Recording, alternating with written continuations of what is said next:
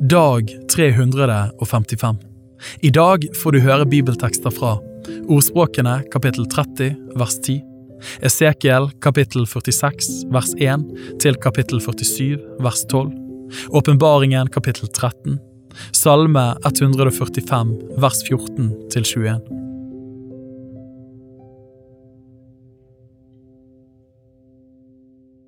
Ordspråkene kapittel 30 vers 10 Baktal ikke en tjener for Hans Herre, for at han ikke skal forbanne deg og du drar skyld over deg.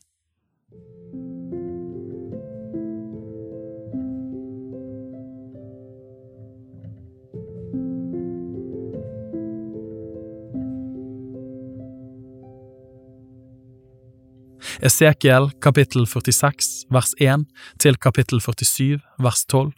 Så sier Herren Herren, porten til den indre forgården, den som vender mot øst, skal være lukket de seks arbeidsdagene.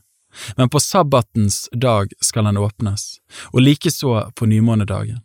Og fyrsten skal da gå inn gjennom forhal i porten utenfra og stå ved portens dørstolpe. Prestene skal ofre hans brennoffer og hans fredsoffer, og han skal tilbe på portens terskel og så gå ut igjen. Men porten skal ikke lukkes før om kvelden. Folket i landet skal på sabbatene og nymånedagene tilbe for Herrens åsyn ved inngangen til denne porten. Brennofferet som fyrsten skal ofre til Herren på sabbatens dag, skal være seks lam uten lyte og en hver uten lyte, og som matoffer en efa til væren, og som matoffer til lammene så mye som han finner for godt å gi, og en hin olje til hver efa, og på nymånedagen en ung okse uten lyte og seks lam og en hver. Uten lyte skal de være. Som matoffer skal han ofre en efa til oksen og en efa til væren, og til lammene så mye som han har råd til, og en hin olje til hver efa. Når fyrsten går inn, skal han gå inn gjennom forhal i porten, og samme vei skal han gå ut igjen. Men når folket i landet går inn for Herrens åsyn på høytidene, skal den som går inn gjennom nordporten for å tilbe, gå ut gjennom sørporten, og den som går inn gjennom sørporten, skal gå ut gjennom porten mot nord. Han skal ikke vende tilbake gjennom den porten som han gikk inn gjennom, men de skal gå ut rett fram for seg. Fyrsten skal gå inn blant de andre når de går inn, og når de går ut, skal de gå ut sammen. På festene og høytidene skal matofferet være én efa til hver okse og én efa til hver hver og til lammene så mye som han finner for godt å gi, og én hin olje til hver efa. Når fyrsten vil ofre et frivillig offer, et brennoffer eller fredsoffer som frivillig offer til Herren, da skal de åpne for ham den porten som vender mot øst, og han skal ofre sitt brennoffer og sine fredsoffer slik som han gjør det på sabbatens dag. Så skal han gå ut igjen, og når han er gått ut, skal porten lukkes. Som brennoffer til Herren skal du hver dag ofre et årsgammelt lam uten lyte. Hver morgen skal du ofre det. Og som matoffer til det skal du hver morgen ofre en sjettedels efa og en tredjedels hin olje til å hvete melet med. Det er et matoffer for Herren, forskrifter som skal gjelde evig for all tid. Slik skal de hver morgen ofre lammet og matofferet og oljen, det skal være et stadig brennoffer. Så sier Herren Herren, når fyrsten gir noen av sine sønner en gave, så er det hans arv. Det skal tilhøre hans sønner, det er deres arv å eie. Men når han gir en gave av sin arv til en av sine tjenere, så skal det tilfalle ham inntil frihetsåret, men så skal det komme tilbake til fyrsten. Bare hans sønner skal hans arv tilhøre. Fyrsten må ikke ta noe av folkets arv, så han driver dem bort fra deres eiendom. Av sin egen eiendom skal han la sine sønner arve, så mitt folk ikke skal bli spredt ved å miste sine eiendommer.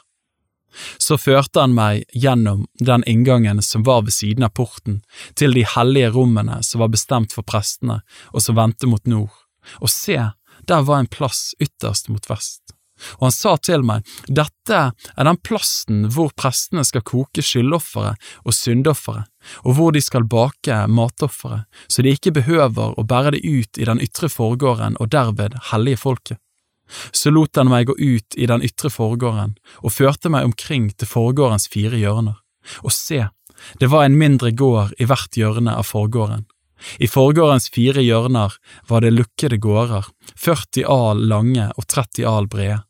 De fire gårdene i hjørnet hadde samme mål, og det gikk en ring av mur rundt om dem, rundt om alle fire, og det var laget kokesteder under de oppmurte ringene rundt om. Han sa til meg, dette er de kokehusene hvor husets tjenere skal koke folkets slakteoffer. Kapittel 47 Så førte han meg tilbake til husets inngang, og se, det kom vann ut under husets dørterskel mot øst, for forsiden av huset vendte mot øst, og vannet rant ned fra høyre siden av huset, sør for alteret så lot han meg gå ut gjennom nordporten og førte meg omkring utenfor, til den ytre porten, til den porten som vender mot øst. Og se, det vellet vann fram fra den høyre siden. Mannen gikk nå mot øst med en målesnor i hånden og målte tusen al. Så lot han meg vade gjennom vannet, og det nådde meg til ankelet. Igjen målte han tusen al og lot meg vade gjennom vannet. Da nådde vannet meg til knærne. Igjen målte han tusen al og lot meg vade gjennom vann som nådde til hoftene. Så målte han igjen tusen al. Da var det en elv som jeg ikke kunne vade gjennom, for vannet var så høyt at en måtte svømme der. Det var en elv som ikke lot seg vade, og han sa til meg, Har du sett det, menneskesønn? Og han førte meg tilbake igjen langs elvebredden. Der jeg vendte tilbake, se, da sto det på elvebredden en stor mengde trær på begge sider og han sa til meg, dette vannet renner til østbygdene og videre ned til ødemarken og faller så i havet, og når det ledes ut i havet, blir vannet der sunt. Alle levende skapninger som det vrimler av overalt hvor dobbeltbekken kommer, skal leve, og fiskene skal bli meget tallrike, for når dette vannet kommer dit, blir det sunnhet og liv overalt hvor elven kommer og det skal stå fiskere ved havet fra Engedi til En Eg Lajim. Det skal være et sted til å kaste fiskegarn ut.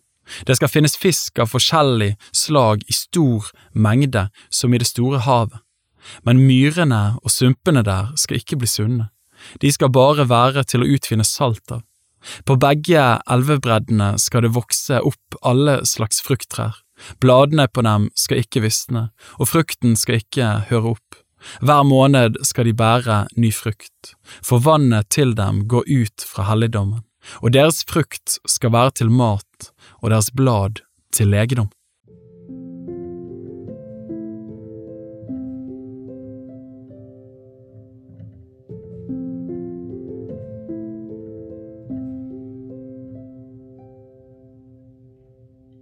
Åpenbaringen kapittel 13 og jeg så et dyr stige opp av havet. Det hadde ti horn og sju hoder.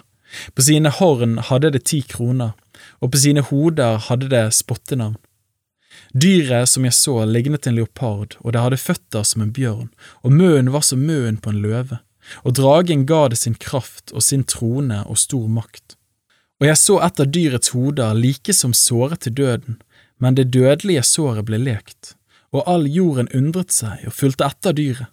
De tilba dragen fordi den hadde gitt dyret makt, og de tilba dyret og sa, Hvem er lik dyret, og hvem kan stride mot det? Det ble gitt det en munn som talte store og bespottelige ord, og det ble gitt det makt til å holde på i 42 måneder. Det åpnet sin munn til spott mot Gud, til å spotte hans navn og bolig og dem som bor i himmelen, og det ble gitt det å føre krig mot de hellige og seire over dem. Det blir gitt dem makt over hver stamme og hvert folk og hvert tungemål og hvert folkeslag. Alle som bor på jorden skal tilbe det, hver den som ikke har fått sitt navn skrevet i livets bok hos lammet som er slaktet fra verdens grunnvoll ble lagt. Dersom noen har øre, han hører. Om noen fører i fangenskap, han går i fangenskap. Om noen dreper med sverd, han skal drepes med sverd. Her er de helliges tålmodighet og tro. Og jeg så et annet dyr stige opp av jorden, det hadde to horn, like som et lam, men talte som en drage. Det bruker hele det første dyrets makt for dets øye. Og det gjør slik at jorden og de som bor på den, tilber det første dyret, det som fikk sitt dødelige sår lekt. og det gjør store tegn, til og med får det ild til å falle ned fra himmelen på jorden for menneskenes øyne. Det forfører dem som bor på jorden på grunn av de tegnene som blir gitt det å gjøre for dyrets øyne. Og det sier til dem som bor på jorden, at de skal gjøre et bilde av det dyret som fikk sverdhogget og ble levende igjen. Og de fikk makt til å gi dyrets bilde livsånde, så at dyrets bilde til og med kunne tale, og gjøre så at alle de som ikke ville tilbe dyrets bilde, skulle drepes. Det utvirker at det blir gitt alle, små og store, rike og fattige, frie og treller, et merke i sin høyre hånd eller på sin panne, og at ingen kan kjøpe eller selge uten den som har merket, dyrets navn eller tallet for dets navn. Heri består visdommen. Den som har forstand, la ham regne ut dyrets tall, for det er et menneskes tall, og dets tall er 666.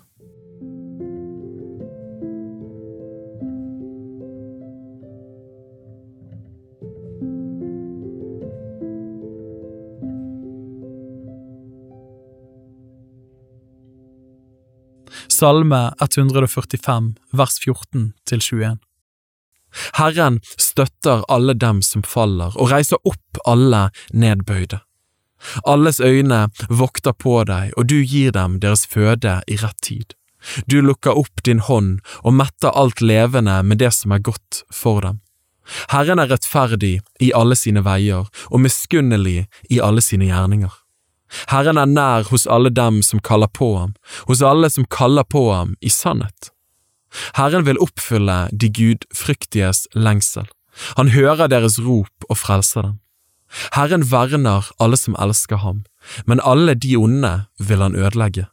Min munn skal uttale Herrens pris, og alt skjød skal love Hans hellige navn for evig og alltid. Bibel på ett år er lest av meg, Daniel Sæbjørnsen, i regi av Tro og Medier. Oversettelsen er Norsk bibel 8807, og bibelleseplanen er hentet fra deres bok Ettårsbibel. Hvis du ønsker å bli bedre kjent med Tro og Medias arbeid, og stå sammen med oss i å nå nye mennesker på nye måter med verdens beste nyheter om Jesus Kristus, se vår nettside troogmedier.no, og gjerne meld deg på vårt nyhetsbrev for å få de siste spennende oppdateringene. Ha en velsignet dag videre.